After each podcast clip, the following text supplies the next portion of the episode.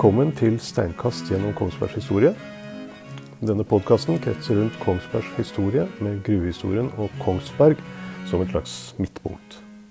Podkasten hopper fra tema til tema uten noen fast struktur eller strategi. Jeg vingler hit og dit gjennom historia, spekulerer og spinner av gårde i retninger jeg syns er spennende, og kanskje finner jeg noe som kan være interessant også for andre enn meg. Med det ønsker jeg deg hjertelig velkommen til Steinkast gjennom Kongsbergs historie. God fornøyelse.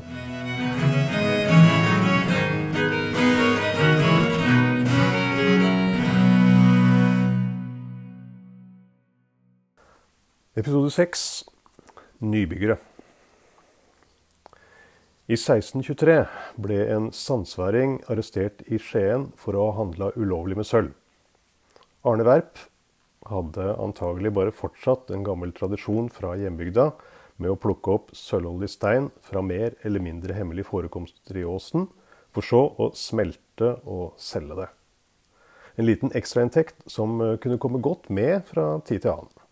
Han og kompisen Kristoffer Grosvold hadde kommet over en ny og usedvanlig rik forekomst, og hadde begynt å smelte og selge til folk i de nærmeste tettstedene og byene. For Arne eh, gikk salget fint til å begynne med, men eh, litt treigt. Han solgte først sølv i små mengder sølv og sølvmalm, omtrent 100 gram om gangen, og fikk eh, seks-sju daler per salg. Han syntes vel kanskje at det å selge så smått tok vel lang tid, så etter enda et par småsalg i Skien prøvde han å få solgt to kilo sølv på én gang. Penger var det samme som en bestemt mengde sølv på 1600-tallet. Og, og, pengene var verdt noe, fordi de faktisk inneholdt den mengden sølv de var verdt. Sølv regna om til penger betyr at to kilo tilsvarer rundt 80 riksdaler. Det er et beløp som ikke gir veldig mye mening for oss i 2022. Men vi kan finne 1600-tallspriser på hva Arne kunne få kjøpt for beløpet. F.eks kunne en liten gård bli solgt for mellom 100 og 150 riksdaler. 80 riksdaler, det er over halvparten av det, så to kilo sølv er mye penger hvis Arne hadde fått full pengeverdi for sølvet. Det fikk han selvfølgelig ikke. Men sjøl om han bare hadde fått halvparten av verdien, så er det mye penger. For 40 daler så kunne han kjøpe f.eks. 40 kilo tobakk, eller 120 tønner byggmel, åtte kuer eller seks hester. Så sjøl med halv sølvpris er ikke den summen noe å kimse av. Men Arne tok en stor risiko ved å selge så mye på en gang. Selgeren risikerer mest, men den som kjøpte, risikerte også mye. Mannen Arne prøvde å selge sølv til, gjorde gode miner til slettspill, men til sjuende og sist tok han ikke sjansen. I stedet varsla han myndighetene. Arne ble arrestert, og i avhør tilsto han alt sammen. Hva, hvem, hvor, hvordan, om Kristoffer, og hvordan han og Arne hadde funnet sølvet oppe i åsen der de hadde setra buskapen den sommeren. Og at de hadde henta ut mer malm og smelta det for salg. Seinere ble det nytt avhør av begge to, der de dyrt og hellig bedyra at de angra dypt og inderlig. Etterpå ble funnstedet befart og stedet nøye granska, og mer malm ble tatt ut for prøvesmelting. Under denne smeltinga kommer Arne med en kommentar som enten er skryt, eller så forteller det oss at Arne ikke er helt ukjent med sølv og sølvsmelting. I rettsprotokollen så står det Og beretter Arne at dersom kullet hadde vært bedre, og den lille pannen hvorut de smeltet ble, ikke hadde blitt foraktet, hadde av samme malm vel blevet større vekt og sølv. Visste Arne hvordan man smelte sølv? Og hvordan hadde han fått greie på det? Og hvis han gjorde det, så, så kan jo ikke det være noe han har plukka opp i løpet av en sommer på setra i 1623. Sølvsmelting er fagarbeid, så dette er noe han må ha kjent til på forhånd. Fogden som sto for avhøret, forkynte at åsen, som ble kalt Sølvbergås, nå var forbudt område for alle, og den som ble tatt oppe på åsen, kunne risikere dødsstraff.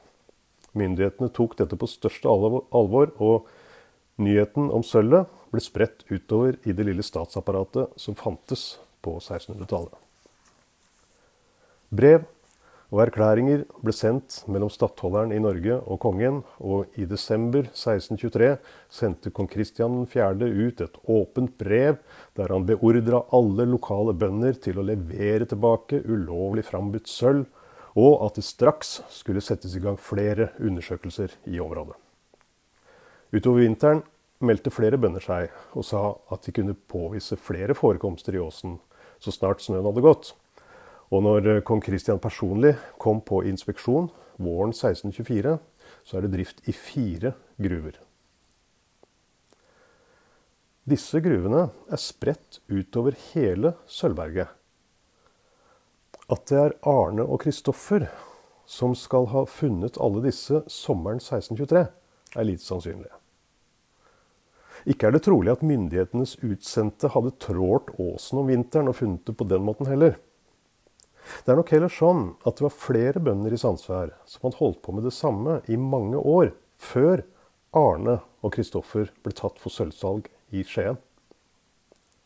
Så i stedet for å si at sølvet ble funnet i 1623, så er det vel heller sånn at det var det året da kongen fikk greie på at det fantes sølv i en ås nord for Sandsvær. Hva hvis eh, Arne hadde vært forsiktig og, og greid å selge sølvet uten å bli tatt i stedet. Vi vil jo at Sølvverk, Kongsberg og våpenfabrikk og alt det som kom etterpå. Sannsynligvis, ja. Det ville bare gått enda noen år til før etableringa. Hemmeligheten var allerede godt kjent, og begynnelsen av 1600-tallet var tida for etablering av gruver og gruvedrift. Lensherren i Eiker, Hartvig Huitfeldt, hadde store økonomiske interesser i området, og han eide mye av skogsområdene, og han hadde part i flere sagbruk som lå langs Lågen, rett nedenfor åsen der sølvet ble funnet. Før eller siden ville noen, frivillig eller ufrivillig, ha avslørt alt sammen. Og så ville historien blitt en annen, men sølvgruver og by ville vi nok fått likevel. Men sølvet ble funnet, eller åpenbart, da, i 1623. Katta var ute av sekken, og myndighetene satt i gang. Arne og Kristoffer slapp billig unna. De kunne ha blitt stilt for retten og blitt straffa for å ha holdt funnet hemmelig, omsatt sølv ulovlig og i verste fall blitt dømt som tjuver og mista gård og grunn, kanskje til og med livet. I stedet valgte myndighetene å vise velvilje. Finnerne ble ikke stilt for retten, men hele forekomsten ble beslaglagt av krone og øvrighet. Og sølvårene, den som Kristoffer og Arne hadde funnet, og de tre andre som ble påvist vinteren etter, skulle undersøkes grundig. Fire sølvfunn spredt utover et ganske stort område var uvanlig, og svært lovende. Dessuten lå funnstedet rett ved et rikt jordbruksområde med handelsveier som hadde gått der i uminnelige tider. Det bodde faktisk en del folk her også, og det var lang tradisjon for markeds- og handelsvirksomhet. Avstanden til sentrale områder øst i Norge, til byer og handelssentra, var ikke stor. Og veien var ikke vanskelig å følge. Handelsårer sørover til Skien fantes og var i jevnlig bruk. Gruver fantes også. Det hadde vært gruvedrift her i godt over 100 år. Den siste viktige faktoren var at en ny og innbringende næringsvei også var blitt etablert. Flere sagbruk var bygd langs Lågen, og de store skogene i området ble utnytta til produksjon av trelast for eksport. Denne industrien hadde vokst sterkt utover 1500-tallet pga. økt etterspørsel etter trelast i Europa. Både i England og ellers på kontinentet hadde skogene for lengst blitt hogd ut, så det var stor etterspørsel etter trevirke. Dette var også tida for de store oppdagelsene, og kolonier hadde blitt etablert i Amerika, India og Det fjerne Østen. Skipsfarten var økende, og etterspørselen etter stadig nye skip hadde eksplodert. De ble alle sammen bygd av tre, så etterspørselen etter tre ble enda større. Spesielt i Nederland og England, som var to av de største kolonibyggerne på den tida. I Norge fantes det store skoger å ta av, og i løpet av et knapt hundreår hadde trelastnæringa vokst til å være én av de to viktigste eksportnæringene i Norge. Den andre var fisk. I Sandsvær fantes det altså allerede sagbruk i drift ved fossene. Vannhjuldrevne sager ble mer og mer vanlig utover på 1500-tallet og representerte den tidens moderne teknologi. Vannhjulene ble anlagt under en foss, slik at vannet kunne ledes fra fossen til toppen av vannhjulet, som igjen dreiv saga. Vanntilgangen fra elva var stabil, og saga kunne brukes når elva ikke var islagt. I Lågen, rett nedenfor åsen der sølvet var funnet, finnes det tre fosser ganske nær hverandre som kunne utnyttes som vannkraft til sagbrukene. Kontrasten er stor til etableringen av bergverket Gullnes i Telemark nesten 100 år før. Der det var ett funn i Telemark, fant man fire forekomster i Sandsvær. Der bøndene i Telemark så vidt hadde til salt i maten, var det et stort og grøderikt jordbruksområde i Sandsvær. Der funnet lå langt unna nærmeste vei og tettsted, var Sandsvær plassert så å si midt i et godt trafikkert veikryss. I Telemark var det ingen som kjente til eller hadde overskudd til å bry seg med gruvedrift. Sandsvær hadde over 100 år med tradisjon og drift av bergverk allerede. Så forholdene lå godt til rette, og kong Kristian 4. grep denne sølvforgylte sjansen med begge hender. Han gikk straks i gang med å planlegge stort og smått. Kristian var en mann med store kunnskaper, en ustoppelig energi og øye for store og små detaljer. Han, her kunne han virkelig få brukt alle sine evner til et prosjekt som tilfredsstilte hans interesse for bergverk, gruvedrift og byutvikling. I mars 1624 sendte han en mann til Harz i Tyskland, et stort område der det hadde vært sølvgruver i hundrevis av år, for å få tak i gruvearbeidere. Han kjente hertugen av Brunsvig og ba ham om å få lov til å rekruttere folk ved sølvgruvene der. Så bestemte Kristian at det skulle holdes takkegudstjenester i alle kirker den 16. mars for å ære den som æres burde, Gud den allmektige Fader i himmelen. Den 24. april gikk Kristian om bord i et skip i København, og den 26. var han framme i Drammen. Derfra steg han og følget hans til hest og red de fire milene til Sandsvær og de sølvholdige bergene for at han personlig og grundig kunne inspisere funnene. Oppe på Sølvberget var det allerede stor aktivitet. Gruvene som var påvist, hadde alt nådd et par lakters dybde, Lakter er et gammelt lengdemål og tilsvarer omtrent to meter. Gruvene hadde altså blitt drevet rundt fire meter ned i fjellet allerede. Berggrunnen hadde blitt undersøkt av kyndige folk, og de hadde funnet ut at det var der ganger med kvarts krysset et brunaktig bånd i fjellet at det fantes sølv. Med denne kunnskapen ble området undersøkt grundig. Det kunne være mer å finne. Selve funngruven fikk navnet Kongelige Majestets gruve, senere forkortet til og kjent som Kongens gruve. Og de tre andre gruvene som ble påvist, fikk navn etter Kristians barn. Prinsens gruve, hertug Fredriks gruve og hertug Ulrichs gruve. På rundturen oppe på åsen pekte kongen ut hvor den nye bergsaden skulle ligge. En godt kjent myte i Kongsberg, eller i hvert fall et munnhell, om akkurat dette, går ut på at kong Kristian med følge slo seg ned et sted med god utsikt utover dalen og elva. Turen hadde vært anstrengende, så det var på tide med en pause. Mat og drikke ble som sedvanlig ved et kongelig måltid servert i store mengder, og pausen trakk ut lenger og lenger i tid. Så skulle kong, endelig kongen peke ut stedet hvor bergsaden skulle ligge. Han stabla seg opp på beina og pekte med den kongelige pekefingeren men var så berusa at fingeren pekte på feil sted. Han hadde ment å peke ned mot området sør for åsen, i det området som nå heter Sagrena, men veiva isteden rundt, sånn at fingeren, fingeren pekte der Kongsberg ligger nå. Fylla skal altså ha skylda for at Kongsberg ligger der den ligger. Og en så god historie må jo være sann. Dessverre så er den ikke det. Kong Kristian 4. var ikke avholdsmann. På 1600-tallet fantes det knapt noen som var det. Avholdsbevegelse og puritanisme hører hjemme enda et par hundre år seinere. På 1600-tallet var alkohol og drikkegilder en sentral del av den sosiale omgangsformen, både blant høy og lav. Man skulle holde drikkelag og drikke sammen, og hvor vellykka et drikkelag var, ble målt i hvor berusa gjestene blei. Kristian var, som alle andre, en del av dette samfunnet, og deltok med liv og lyst. Han var også kjent for å kunne drikke mer enn de fleste, uten at noen la merke til det, at det gikk utover verken taleevne eller klarsyn. Rikelig med vin, øl og brennevin, mat i mengder og mange former hørte med når kongen reiste rundt i riket.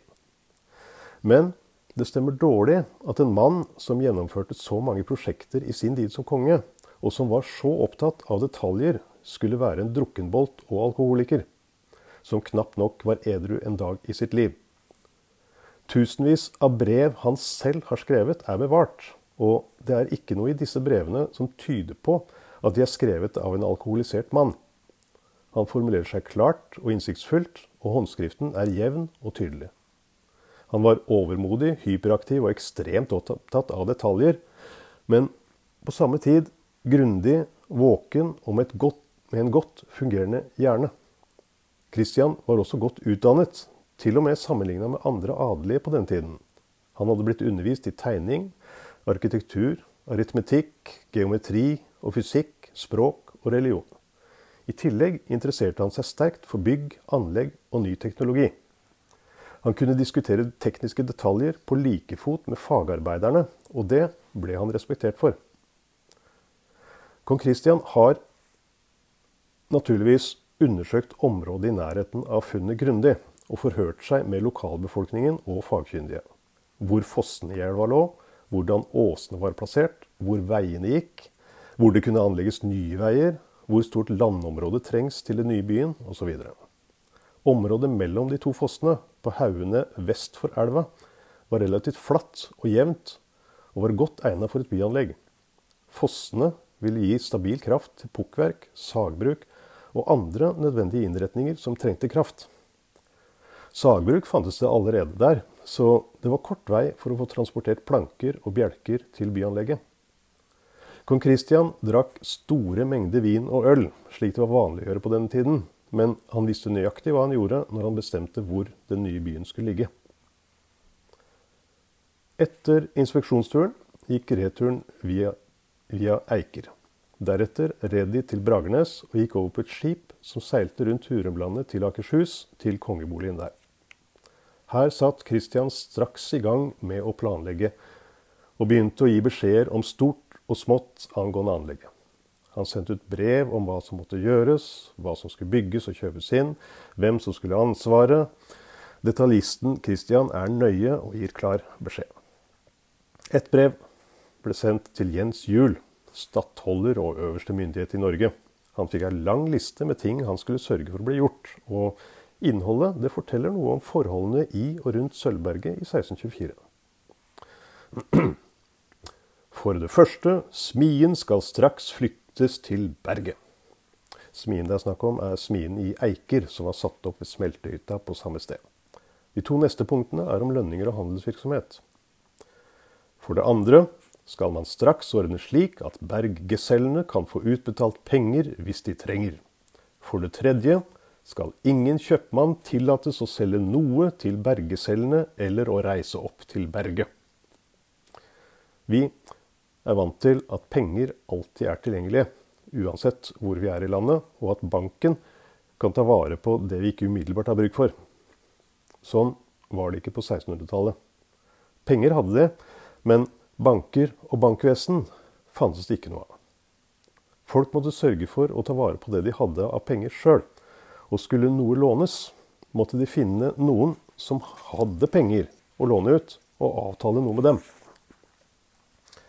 Penger var synonymt med sølv, og sølv var grunnlaget for at penger hadde noen verdi. I dag garanterer staten at pengene vi bruker, har verdi. Og siden vi stoler på staten, kan vi kjøpe varer og tjenester for pengene. I 1624 var staten liten, og at staten selv skulle garantere for verdien av en mynt, var absurd. Mynt er i likevel en uhyre praktisk måte å lette og stimulere handel og virksomhet på. Men for å få folk til å bruke myntene, måtte de ha en verdi i seg selv. Det ble ordnet med at myntene inneholdt en viss mengde sølv. Punktet om at bergarbeiderne måtte få utbetalt penger hvis de trengte det, var en beskjed om å skaffe fysisk til veie mynter for å lønne dem. I Sandsvær fantes nok mynter, men i et sånt område, som lå et stykke borte fra de sentrale handelsstedene som Skien og Bragernes, var varebytte regelen for folk imellom, og eventuelle penger ble samla sammen og bare brukt når det skulle kjøpes nytt og stort. Det var rett og slett ikke nok mynter i området til å begynne med, å kunne betale ut lønninger til en ny og stor gruppe folk. I praksis måtte stattholderen altså skaffe fram ei kiste full av sølvmynter som kunne brukes til lønninger. Når lønnsspørsmålet var ordna, ble handelen regulert, slik at ikke hvem som helst skulle kunne kjøpe og selge i det nye anleggsområdet. Et slikt forbud mot kjøp og salg høres merkelig ut for oss. Hvorfor skulle ikke gruvearbeiderne kunne kjøpe det de ville for den lønna de fikk? Fri handel er jo et eh, gode for alle. Igjen så må vi huske på at penger på 1600-tallet ikke alltid ble brukt i daglig handel, men heller samla som en reserve på kistebunn.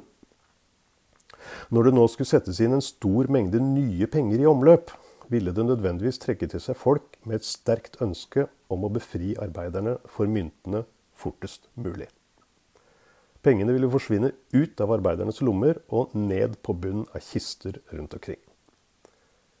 En viktig grunn til å forby handel i området var å sørge for at pengene ble holdt i omløp for å stimulere den økonomiske veksten i kongeriket.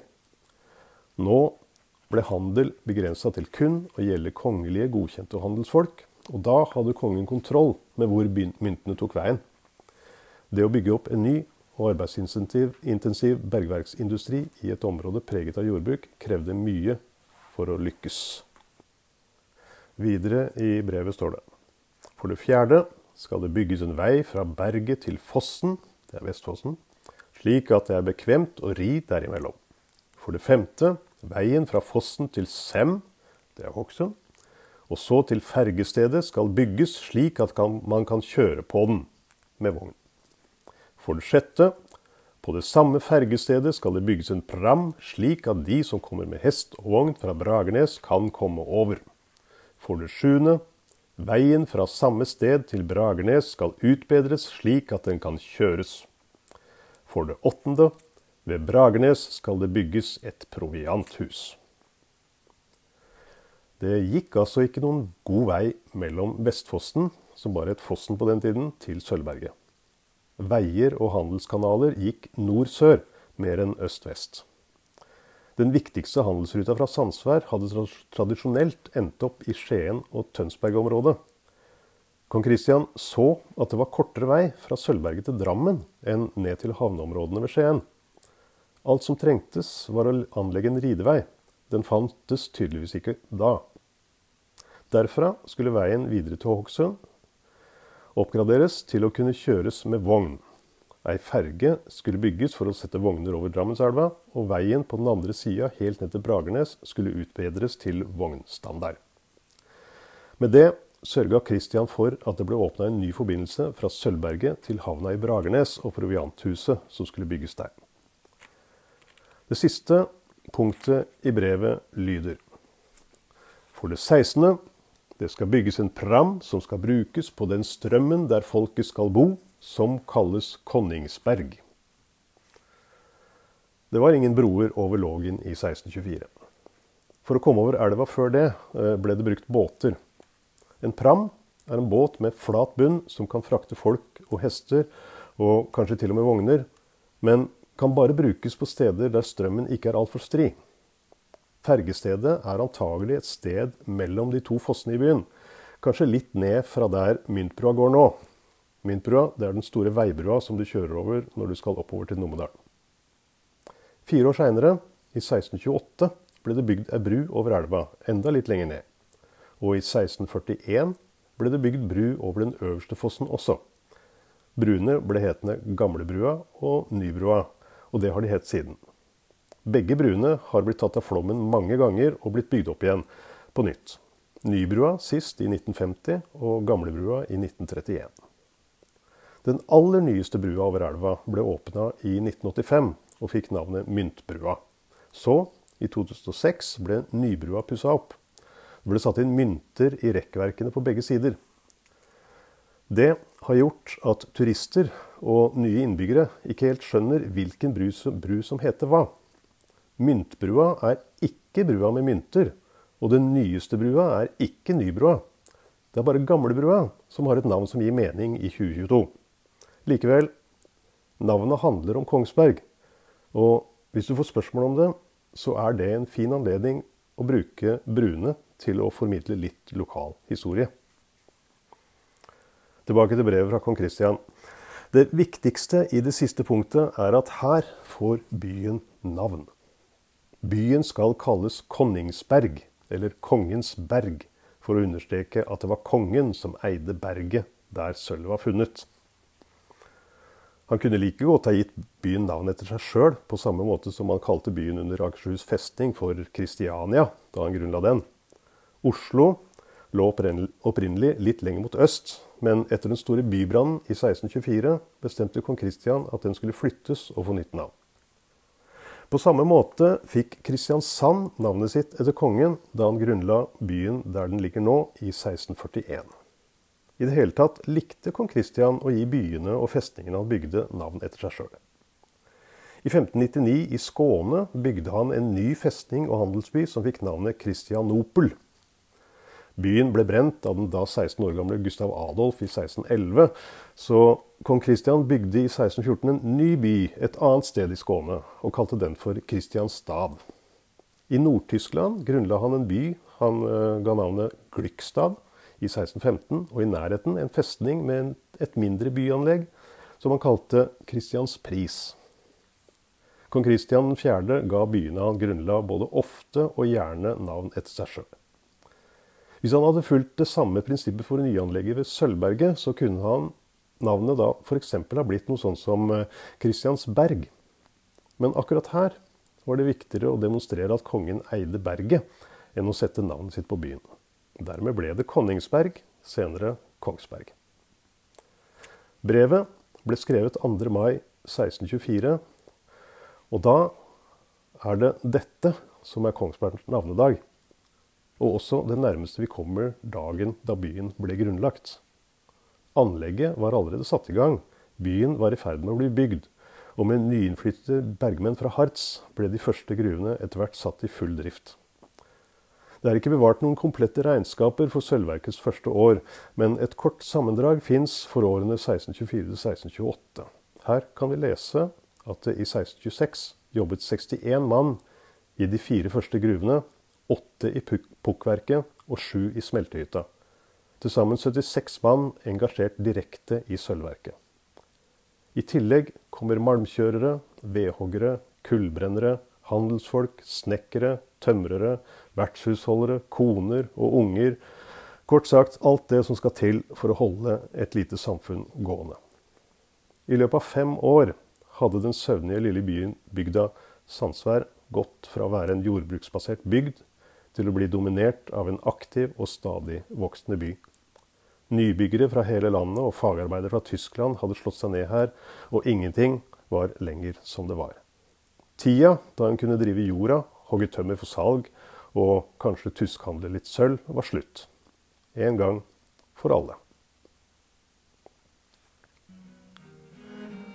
Du har nå hørt sjette episode av Steinkast gjennom Kongsbergs historie.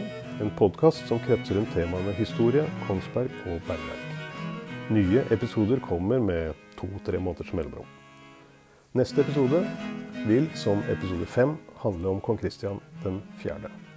Hvis dette er den første episoden du har hørt av denne podkasten, er det bare å gå tilbake til begynnelsen og høre på de fem første episodene. Takk for at du hørte på.